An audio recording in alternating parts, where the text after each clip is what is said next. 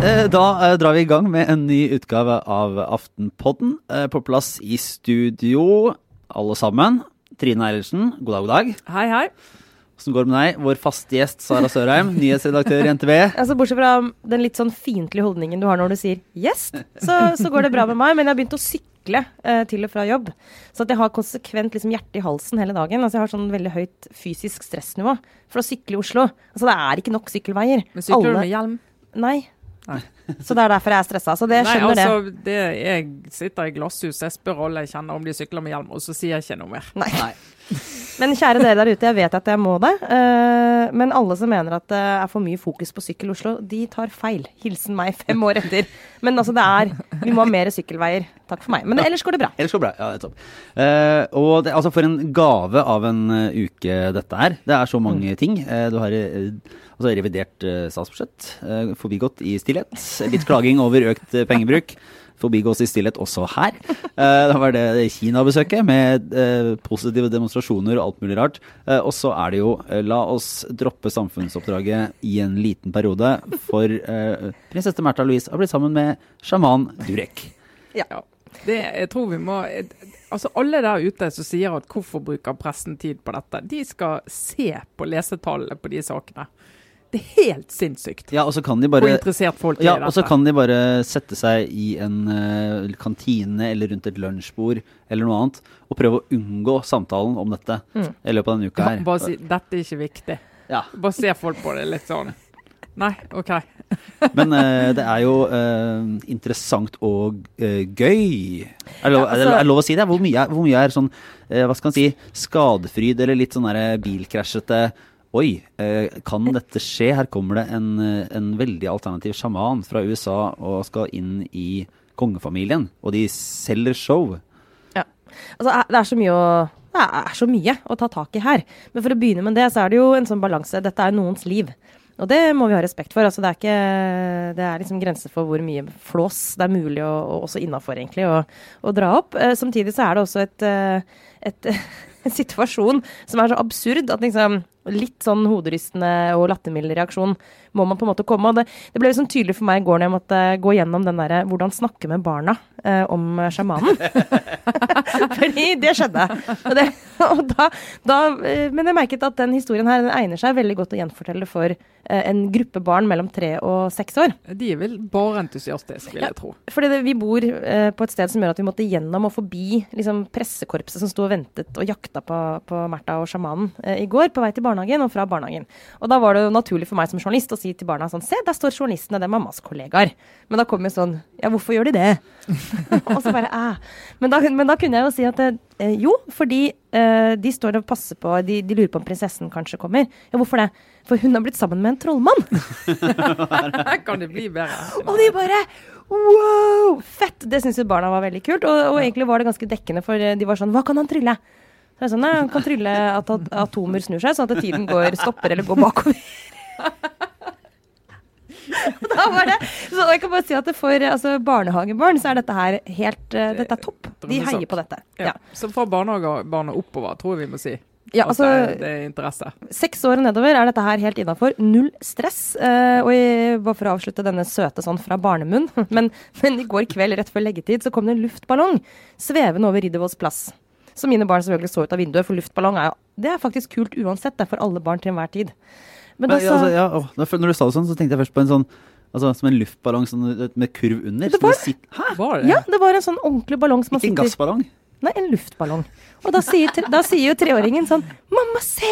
Nå har trollmannen trylla ballongen så den kan fly, og ta med seg prinsessen bort fra de dumme journalistene. og det kan jo faktisk hende at kanskje det faktisk er sant. Det kan godt skje, tenker Ja. Nei, men altså, det er jo litt sånn, hvorfor, hvorfor treffer dette så sykt godt? Det er jo mange dimensjoner. Det ene er at du har en eh, prinsesse som bryter med forventningen. Det er jo alltid en god sak, og der har jo Märtha levert i 20-30 år, vil jeg si.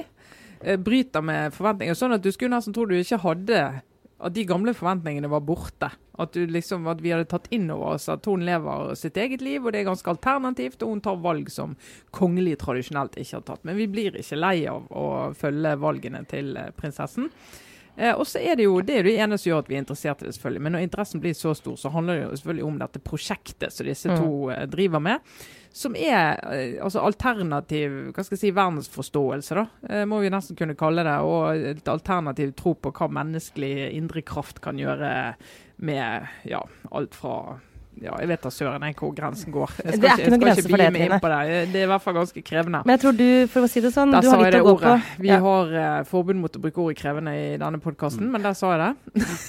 Men altså, av alle mennesker, så, Trine, så tror jeg hvis du på en måte altså, Jeg- Du har jeg- en vei å gå for å åpne opp for liksom, det spirituelle, da. Jeg har ingenting der å gjøre. Det, det må vi Jeg har er ikke mottakelig. Det kan jeg, det, så det må bare legge til grunn her. Altså det er sånn, jeg skjønner ingenting Nei, av folk som drar derfor. inn i den retningen og sier det er mer mellom himmel og jord. Når folk sier det, så tenker jeg ja, fjelltopper, hav Fjelltopper du ikke har vært på. og så er jeg med der. Du skal få i 50-årsgave fra meg og Lars en sånn ei lita time på Spring Soul, eller hva det er for noe, nye engleskolen. Altså du Trine, du hadde godt, du hadde godt av å åpne deg litt opp for uh, litt sånn Det, det så- Indre Det er fint nå, for nå, nå ser jeg sånn I øynene til Eilertsen nå, så er det sånn Kan dette skje? Kan dette skje? Ja. Skal jeg avinvitere Er det for sent å avinvitere til Men- bursdagen? Nei, men, altså, men det er jo hele det, prinsessen og sjamanen skal jo selge dette produktet. Mm. Og da får du en diskusjon om bruk av tittel og, og innholdet i dette. her. Forbrukerrådet skal for eksempel følge godt med på hva Ja, og- de og- og- selger. Og der er du inne på det som er eh, jo begrunnelsen for at dette har offentlig interesse. Fordi jeg er litt opptatt av å si at ehm, eh, medlemmer av kongehuset har generelt offentlig interesse. Det er dessverre sånn at blir du født inn der, så blir du også født med den oppmerksomheten. Men det går en grense for dem også for eh, deres rett til privatliv. Og det er ikke gitt at det er en kjempestor sak i, i pressen hvem Märtha Louise er kjæreste med. Altså det er jo en sak eh, hvis hun inngår et forhold og sånn, men det er ikke nødvendigvis altså Denne her pressedekningen ville jo vært helt, mener jeg, eh, ute av enhver eh, liksom, altså helt uh, altfor stor og altfor bred hvis det hadde vært et helt normalt kjæresteforhold. Men uh, det er jo det som du er inne på, Trine, kombinasjonen av uh, at hun driver forretningsvirksomhet basert med sin prinsessetittel, uh, og at hun kommersielt bruker den tittelen, og når hun i tillegg gjør det på et felt som det er all grunn til å granske kritisk, da. Um, det er jo jævlig Unnskyld. Veldig mye Nå kjente jeg at jeg ble litt, litt for engasjert, som det heter. Men det, det er veldig mye humbug på alternativscenen, og det mener jeg det er et journalistisk oppdrag å gå inn og se de menneskene som betaler mye penger for å gå på kurs, workshops eller høre foredrag. Uh, får de valuta for pengene, eller blir de lurt? Men det mener jeg faktisk er et oppdrag for oss. De blir jo det. De blir jo lurt. ja, men du kan jo få, ja, ja, du kan jo få valuta sånn Du en god personlig sikkert. hva, var- hva, var det de, hva var det de snakket om på God morgen Norge? Altså, vi har vår sannhet. Altså, hver har sin Ja, og det jo er jo et artig begrep. Hver av sin sannhet. Nei, det er så, den veien kan vi ikke gå ned. We have, I have, you have your facts, I have alternative facts. Ja, men altså Presidenten i USA opererer jo med dette. Da begynner vi å rote. Nei, men, men det er jo Ja, Lars. Nei, eh, det var jo eh, Fedrelandsvennen hadde jo en leder i dag, torsdag, om at uh, Märtha Louise burde gi, hva heter det, avslutte, gi fra Si seg fra seg, heter det. Si fra seg sin prinsessetittel. Eh, for å antageligvis da i hvert fall ikke kunne si at hun heter, er, liksom, er prinsessen og sjamanen. Mm. Eh, har vi tatt stilling til det i Aftenposten? Vi har ikke tatt stilling til det i Aftenposten. Da jeg var politisk redaktør i Bergens Tidende, da tok vi stilling til det. Vi skrev det i 2007. Eh, noe som eh, vi nok den gang tenkte ikke var spesielt kontroversielt. Det var det. Så da gikk jeg fra studio til studio for å fortelle hvorfor BT hadde skrevet det. Eh, og den gangen var jo argumentet, og det mener jeg står seg eh, ennå, at eh, hun er en del av arverekkefølgen til tronen. Så det er ikke bare en privatperson der ute som eh, skal få lov å holde på med hva de vil, helt uavhengig av hva offentligheten syns om det. Langt på vei, ja. Men det må liksom Den prinsessetittelen går det an å gi fra seg Mm. og si at jeg har lyst til å ta steget helt ut. Altså Hun er jo selvfølgelig fremdeles i slekt med sin familie, og alt det ser hun argumenterer med at hun har. Eh, Hun vil alltid være en del av den familien, og det vil hun jo. Altså, fordi om du gir fra deg en tittel, så gir du ikke fra deg familien din. da. Eh, Men det var jo argumentet den gangen at gi, egentlig litt sånn, gi prinsessen frihet til å være den hun vil være. Mm. Uh, og det mener jo jeg fremdeles at uh, jeg personlig, da, Aftenposten har jo ikke ment om dette, uh, men jeg personlig mener jo det at de kongelige det er en stor belastning knyttet til å være Mm. en kongelig og en offentlig person, og det merker jo hun i situasjoner som dette, men det finnes også en løsning på det. Mm. Du kan gå ut av det. Det er et fritt valg. Og det kan hun gjøre hvis hun syns dette. Og det synes jeg, altså Hun virker jo veldig misfornøyd med denne dekningen. På den ene siden så er det litt sånn Eh, ja, jeg bryr meg ikke om det. Eh, dette her eh, er bare Jeg er så vant til det. Jeg visste det ville skje. Mm. Skjønner det. Men så kommer hun også med sånn Det er så mye usant. Mediene skriver så mye usant. Eh, men hun, hun går ikke inn i hva det er som er usant, og sier 'vent til showet'. sant? Altså Hun forholder seg ikke til mediene på normal måte. Så hvis det er noe som er usant, ja, så si hva det er, da. Sånn at det går an å rette opp i det, eller svare i et intervju, eller liksom Mm. oppføre det som en si, normal person som blir utsatt for pressedekning, Mm. og gå inn i det. Men da tar hun den kongelige sånn nei, nei, jeg forholder meg ikke til det unntatt når jeg får sitte på talerstolen og si det. Sånn. Så du er sånn litt kongelig og litt ikke kongelig. Og, det, og da skaper jo hun problemer for seg sjøl, og du tenker jeg free Märtha. Ja, ja. Nei, men uh, av andre ting som har uh, skjedd uh, denne uka, så har det jo vært det store, hva skal man si, den store norske geriljakrigen, eh, der bunadsgeriljaen har eh, gjort opprør mot Bent Høie. Eh, og de Mot har bunadshøyre, faktisk, som han vel må sies å kunne tilhøre. en, ja, en intern bunadskamp. Ja. Som er eh, altså det der bunaden og nasjonale som et sånn uh, maktbegrep i uh, norsk offentlighet om dagen, er, uh, det er sterkt. Er høyt, høyt i kurs, den nasjonale staten. det er om å gjøre å fange bunadene først. Ja, eh, men eh, bare, og i går, altså onsdag, så fikk de i hvert fall en delvis seier. Fordi de kjemper altså, de kjemper jo for eh, f- altså fødetilbud til kvinner eh, i distriktene av Norge. Mm. Eh, og kampen har særlig stått om eh, Kristiansund skal miste sin altså, få fødetilbudet sitt redusert i forbindelse med sammenslåinga av Kristiansund og Molde sykehus. Mm. Er jeg på, altså er jeg på rett Ja, de, de spor nå? Bygget, det har vært en lang lang kamp. De skal bygge nytt sykehus. Hvor skal det ligge? Det blir Molde. Og da skal fødetilbudet flytte til Molde. Så det handler jo ikke om at de mister fødetilbudet, men det handler om eh, avstanden til fødestua, hvis jeg har skjønt det riktig. Altså Ja, det blir jo mye opp- lenger å vi reise. opplever nok at Her vi mister vil jeg, det. ja, det, det Ja, okay. ok. nok. Ok, nå gjelder det å holde helt kjeft.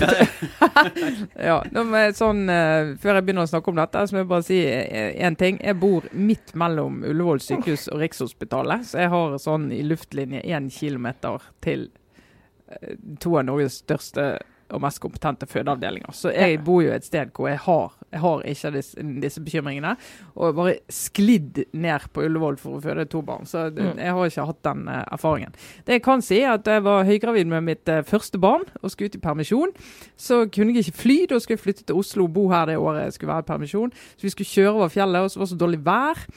Eh, så da måtte vi kjøre. Eneste stedet var åpent, det var, det var Filefjell. Der var det kolonnekjøring. Så kjørte vi Lærdal oppover bakkene der, og dette var i ja, det må jo da ha vært i 2011, må det ha vært, ja. på vinteren der.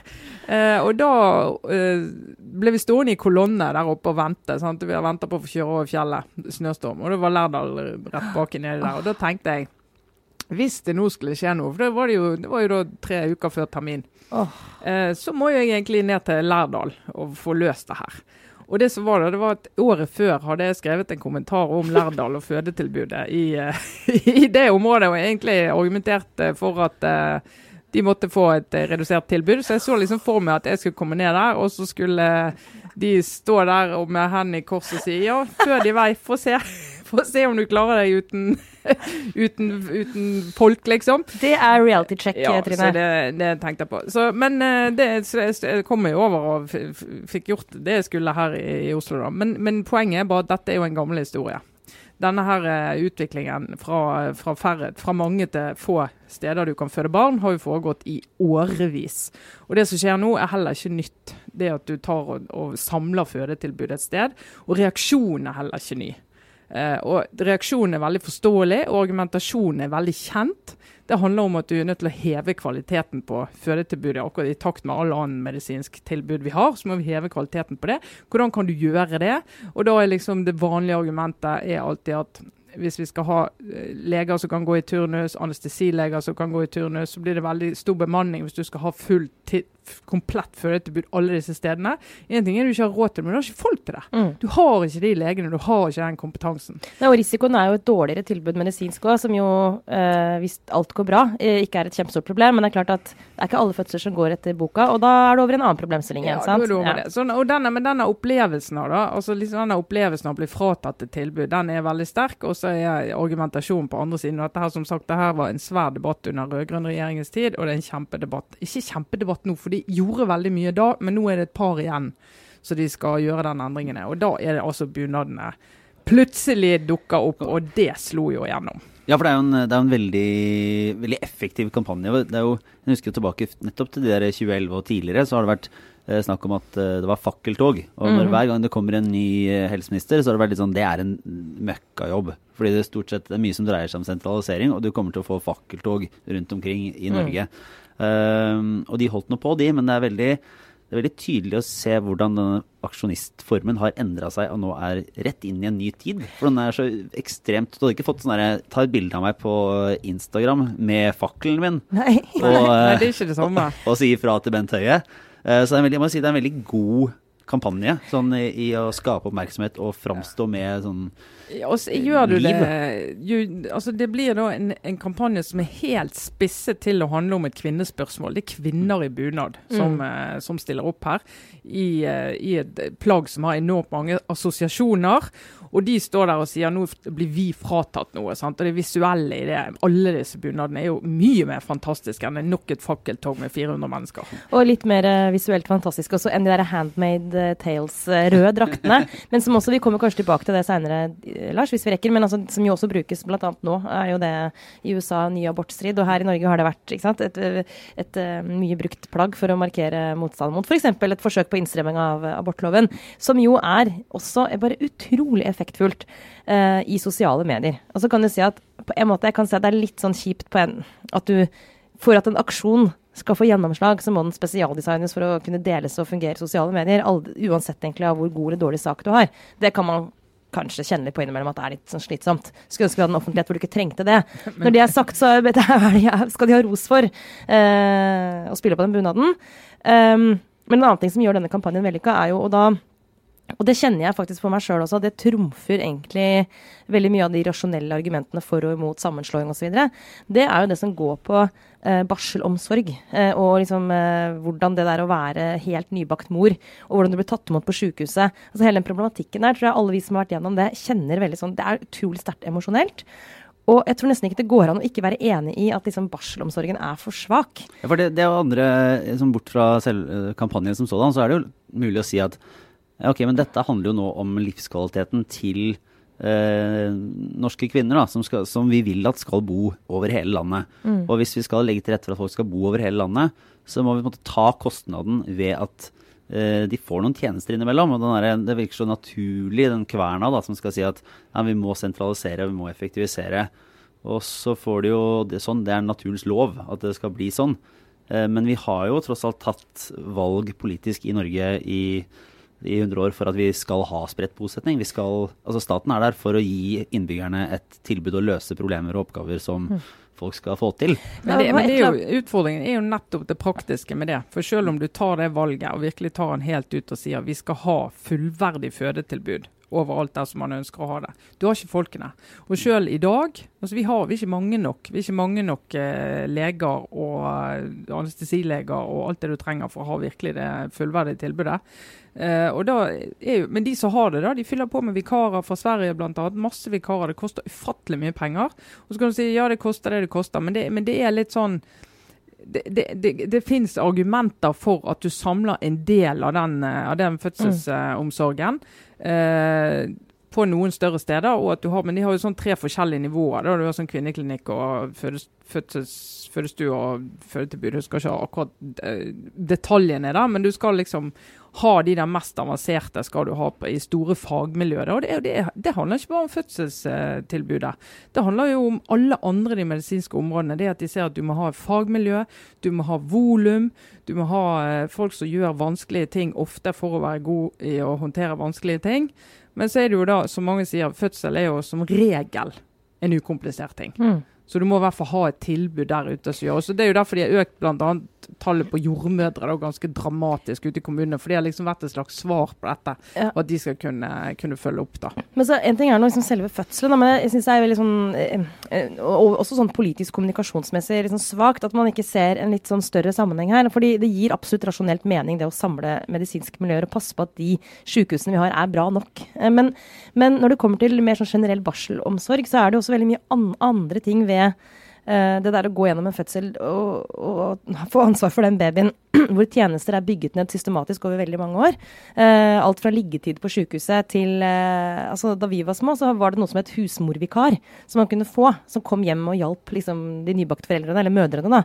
Og så er det veldig mye annet Det var jo fordi far ikke var der. Det er nok eh, sannsynligvis en av hovedgrunnene. Men, men poenget er at jeg, eh, jeg, lurer nok på om ikke, særlig når vi har en statsminister som har vært opptatt av å si at det er viktig at kvinner i Norge, det er viktig at vi fortsetter å føde barn osv. Ja. Eh, Nå tror ikke jeg folk lar være å føde barn fordi det er kort liggetid. Men det er noe med, det er noe med hva, hvordan det oppleves da når Uh, når det ikke liksom signaliseres at vi er, vi er, ute etter å prøve å gjøre det mm. uh, så lite liksom, traumatisk som mulig. Mm. Uh, og, for, og, det der med barselomsorg det, Nå skal jeg ikke gå inn i en lang rant her, men bitte liten kort en. Det er at nå er det liksom veldig mye fokus på at vi som får barn, skal liksom bli litt sånn fort ferdig, dele permisjonen, komme tilbake i jobb. Og jeg syns det, det, er liksom lite Vi snakker litt lite om hvor ufattelig krevende det er, og rett og slett bare ganske enkle ting som ville gjort det veldig mye lettere. Særlig den første veldig sånn kritiske fasen. Og det å ha f.eks. én eller to dager lengre liggetid på sykehuset, da, muligheten til å være der litt lenger f.eks., koster penger det òg, men det er mye mye billigere enn en utslitt mor som blir sjukmeldt. Å få hjelp til ammingen f.eks. Så her tenker jeg sånn Ja, det er sikkert rasjonelt å, å gjøre dette med fødestuen og sykehusene, men liksom følge opp med enkle, men liksom gode tiltak rundt barselomsorgen. Så skal du se at dette her går mye bedre.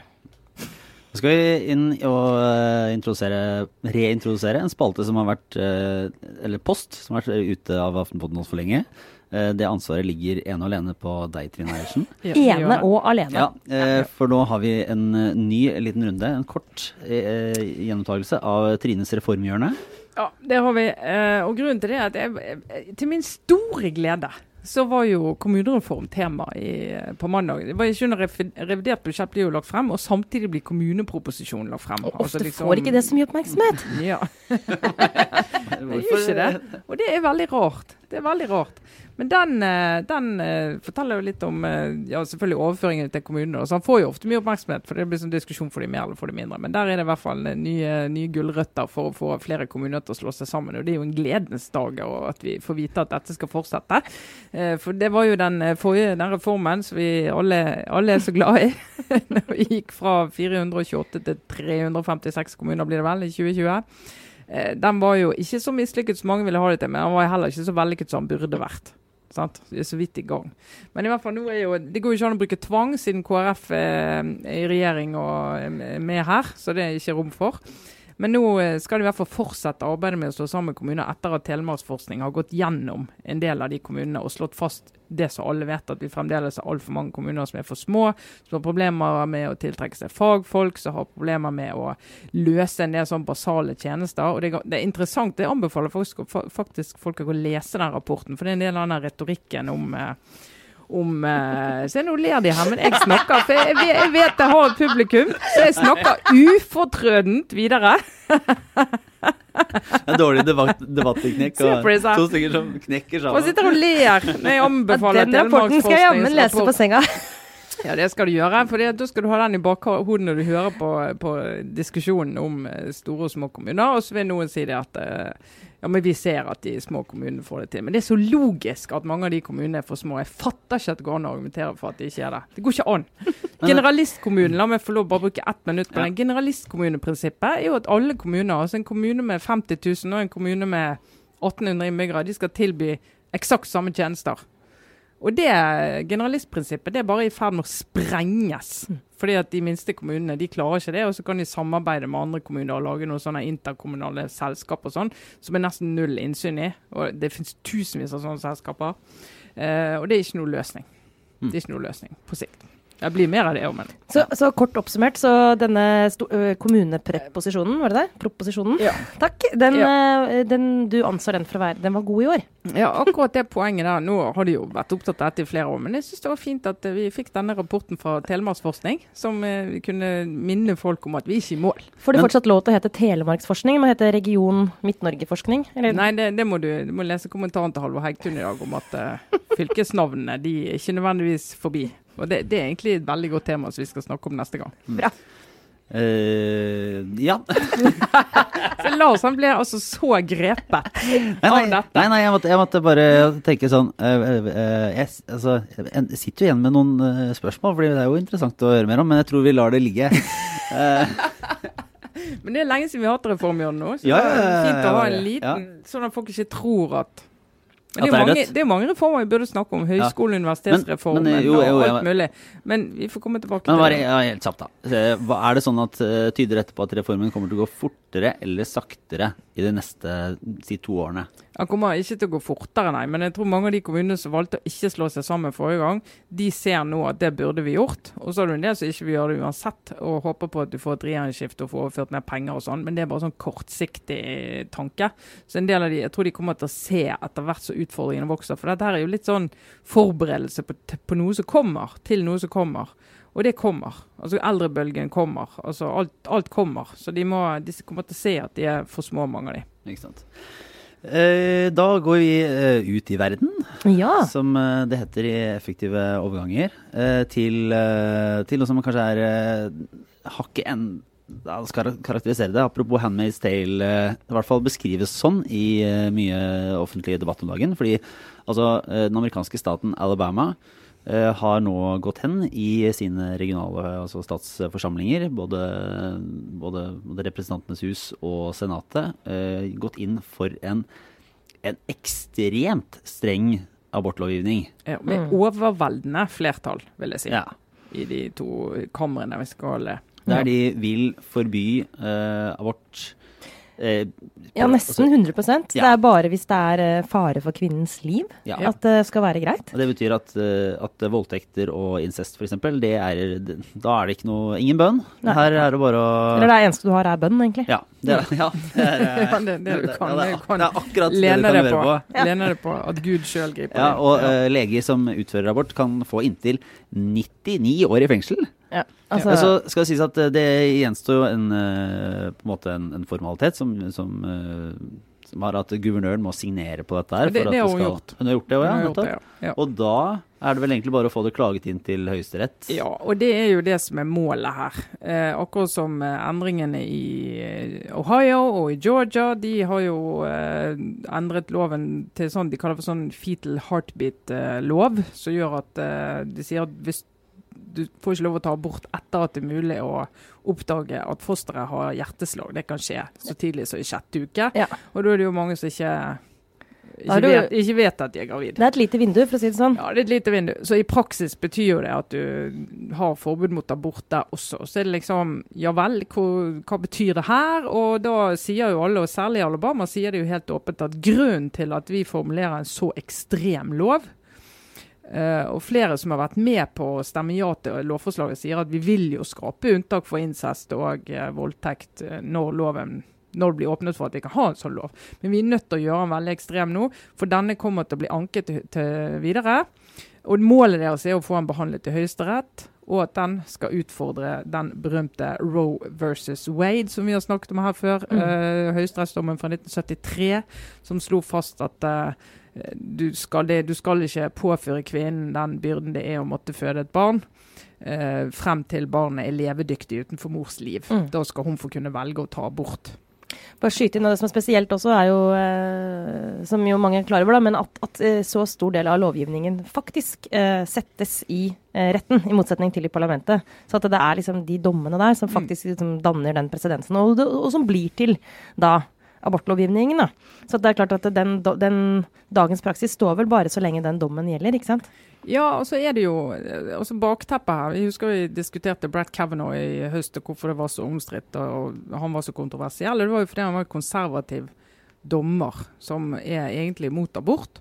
Eh, og skal inn i et eh, hus der du er ni stykker, og der de nå er fem som er eh, konservative, og som man regner som negative til fri abort, og så fire som er, er på andre siden. og sånn at Dette med å forsøke å få saken opp og liksom å, å få veltet denne Roe versus Wade, som, som han heter, det har de jo prøvd i flere tiår å gjøre. Mens nå ser man en mulighet til å gjøre det. fordi at hvis dette kommer på bordet til, til Høyesterett, så har du i i prinsippet, da, i hvert fall i håpet til de konservative, at nå er det fem mot fire, så da vinner vi det. Men Så er det bare det at eh, det er ikke sikkert de vil ha saken. Mm. Eh, han eh, Chief Justice, som det heter, hvis du kan sammenligne med høyesterettsjustitiarius, sjefen i Høyesterett, han er konservativ. Men han er ikke Mange av de i Høyesterett er ikke så begeistret for det med at folk utfordrer loven så tydelig og vedtar lover for at det skal komme til Høyesterett. Det er ikke noe automatikk at de kommer til Høyesterett. da, Det kan godt hende de bare avviser det. Mm. Og det andre er at han har sagt, og det har også Brett Kavanaugh sagt, at de har sine personlige ståsted her, men de er også opptatt av presedens. Altså av lov og eh, lovanvendelse som har fått utvikle seg over tid i landet. Så selv om man skulle bli behandlet til Høyesterett, så er det er ikke er gitt at resultatet blir sånn som motstanderen. Og en del mener jo også at denne er så ekstrem, det forslaget fra Alabama, at det ikke er snakk om at de orker å ta det i Høyesterett.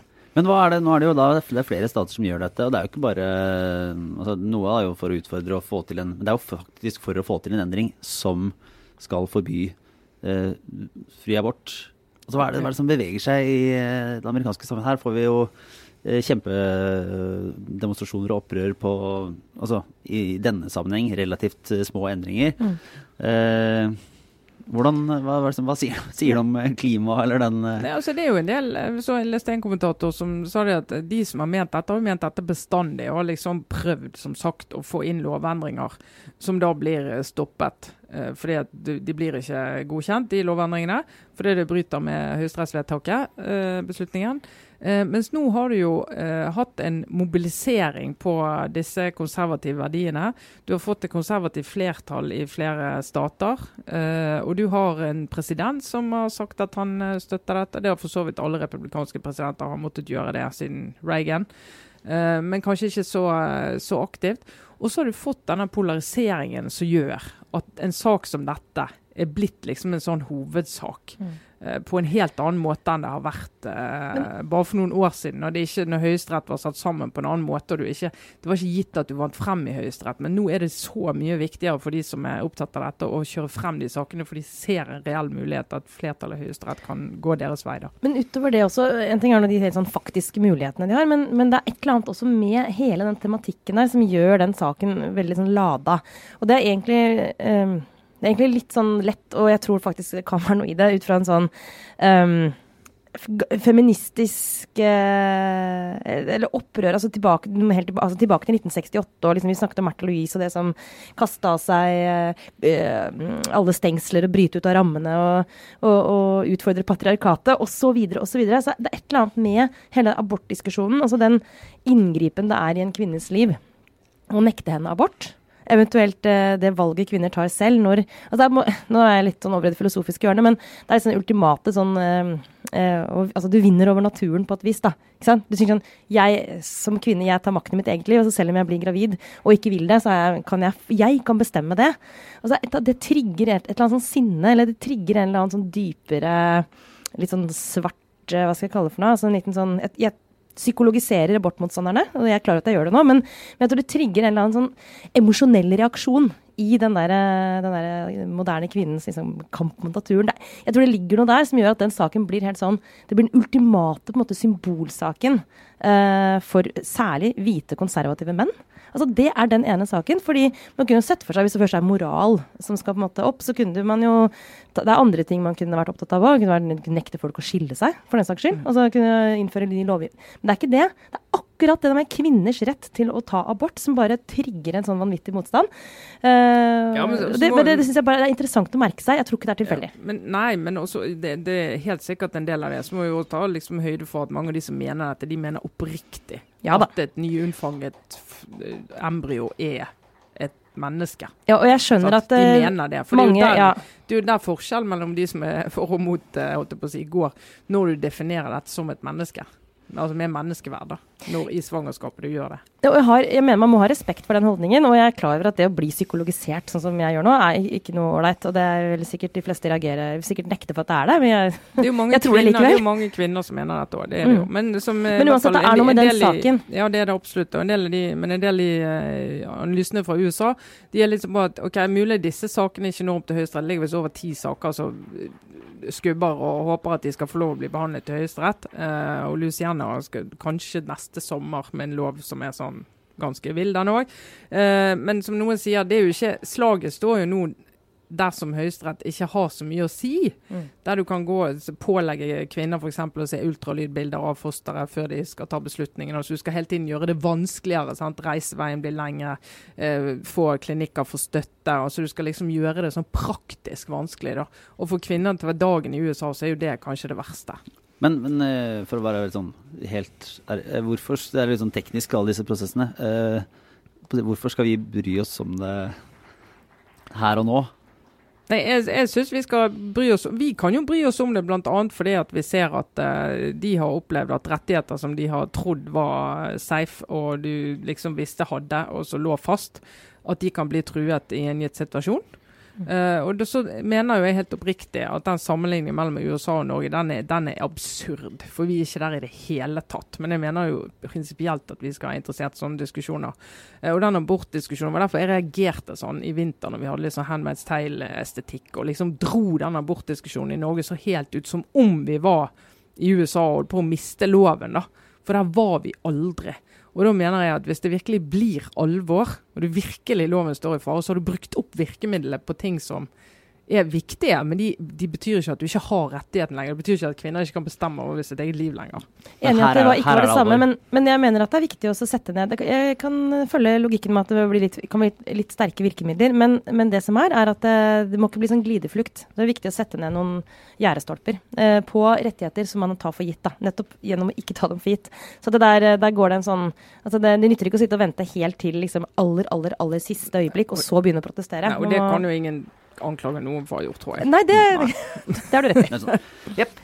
Eh, videre til en lynkjapp runde med obligatorisk refleksjon. Eh, Åssen var det med deg, Trine? Hadde du en Ja, anbefaling? vet du hva, jeg har en anbefaling, og det er jo ikke så ofte jeg har det. Er det det? Nei, det ikke det. Jeg har jo som sagt eh, ikke så mye tid til å finne ting som jeg kan anbefale. Altså, det er anbefalinger som kanskje noen er interessert i, i motsetning til de du ofte kommer med. Det er rapporten fra Telemarksforskning. Ja. Nei, altså, jeg har hørt en, uh, en podkast som heter The Standoff. tre episoder. Og den, eh, selvfølgelig amerikansk, og det har tenkt på hvor ufattelig mange amerikanske gode, skikkelig gode podkaster det finnes, og hvor enorm innsikt vi får i det amerikanske samfunnet fordi at der er det så mye innhold som du kan konsumere. Tenk hvis det hadde vært halvparten så mange podkaster om Norge, da hadde jo vi kunnet enda mer om vårt eget land. Men det er noe, sånn er det. Vi kan mye om eh, USA pga. det. Eh, den handler om Ricky Weaver og hans familie som flyttet langt opp på fjellet i ja, det var vel Ohio, nei Idaho var det, i en hytte langt ute i skogen. Og de var en litt sånn Eh, sånne mennesker som finnes i USA, de melder seg ut av storsamfunnet. Eh, og veldig religiøse. Eh, ganske konspiratoriske. Paranoide med tanke på at staten har lyst til å eh, styre dem altfor mye. Eh, forholder seg egentlig ikke til det. Reiser ut der. Eh, Lever liksom off the grid. ja, litt sånn off the grid, ja. Og masse barn. Og lever og trives oppe i skogen der. Og så driver han med noe våpenhandel. Og de har kontakter med sånne white supremacists og den gjengen der som vi ikke er så veldig rolig på.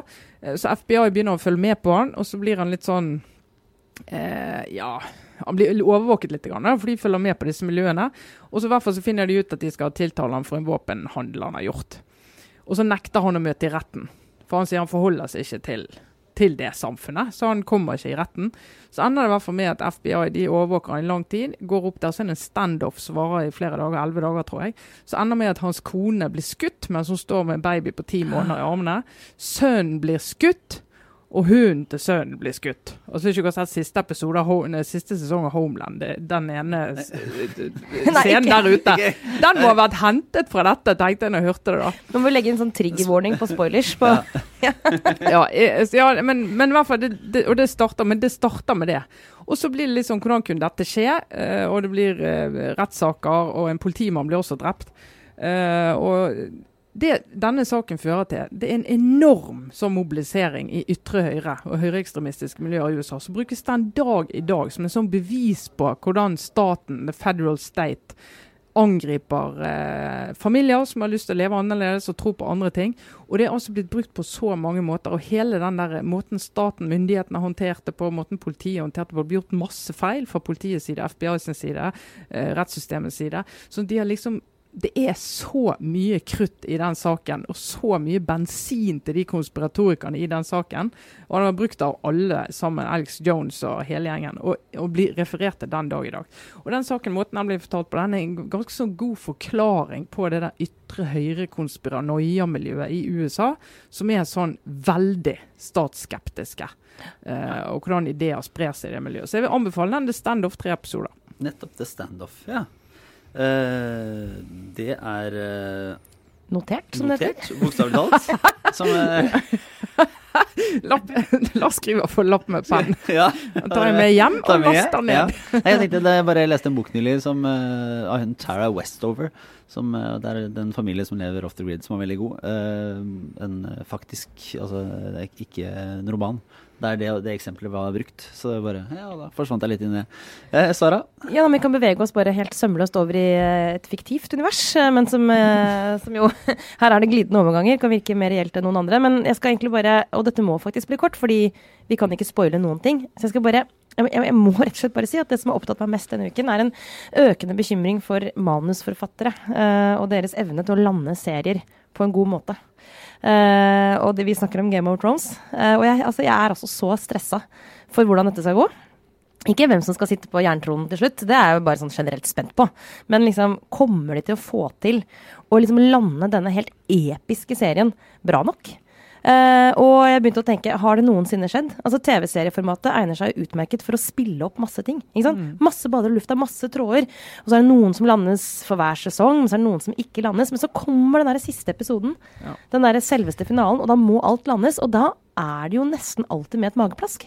Tenk å skrive den siste episoden, for et mareritt det må være. Ja. Altså, også I tillegg har denne X-faktoren akkurat når det Game of Thrones, da, som er at det også er et bokprosjekt, og at uh, den siste boka ikke er gitt ut, og at de på et eller annet tidspunkt i sesong sju var det vel, bevegde seg helt utenfor bøkene. Og alle vi som har lest bøkene da, blei jo sittende på nåler og bare Å, herregud, hvordan skal det gå? Og så har det liksom kommet frem at ja, de har snakket med George R.R. Martin underveis, og de skal liksom vite helt Altså, de har en plan sammen med han om hvordan det skal gå og sånn, men jeg bare kjenner at jeg stoler ikke på det. Og jeg er så stressa. Nei, jeg, jeg har henta meg litt sånn inn på siste sesong nå. Jeg kan bare jeg, jeg skjønner, jeg kan analysere min egen uh, interesse for serien. i at Jeg liker det best når det er sånn inne i lukkede rom, uh, og sånn eh, typisk politisk dramaaktige ting. Uh, og når de er sånn ute, en liten gruppe folk i en eller annen del av dette universet. sånne sånn store slag og sånne ting. er ikke så veldig spennende. Nei, da Det tror jeg, det er ikke Men- denne sesongen. Nei, men Det eneste som har klart, kanskje, som jeg kommer på hvert fall, å, å lande en serie For det verste eksempelet er jo Lost. Den serien Lost. Som jo er helt katastrofe til slutt. Men som jo var veldig spennende første sesongene. Men um, Sopranos, der løste det jo uh, siste episode med å bare gå i svart. Altså Plutselig så bare gikk bildet i svart, og så var det bare sånn Vet du vi kutta storyen her, vi. Ja. Og jeg lurer på om egentlig da var det litt utilfredsstillende, men i ettertid tenker jeg sånn, vet du hva, det var faktisk utrolig klokt. Fordi det er bare, vet du hva, vi var ferdig. Ferdig. Ja, nei, det er vanskelig.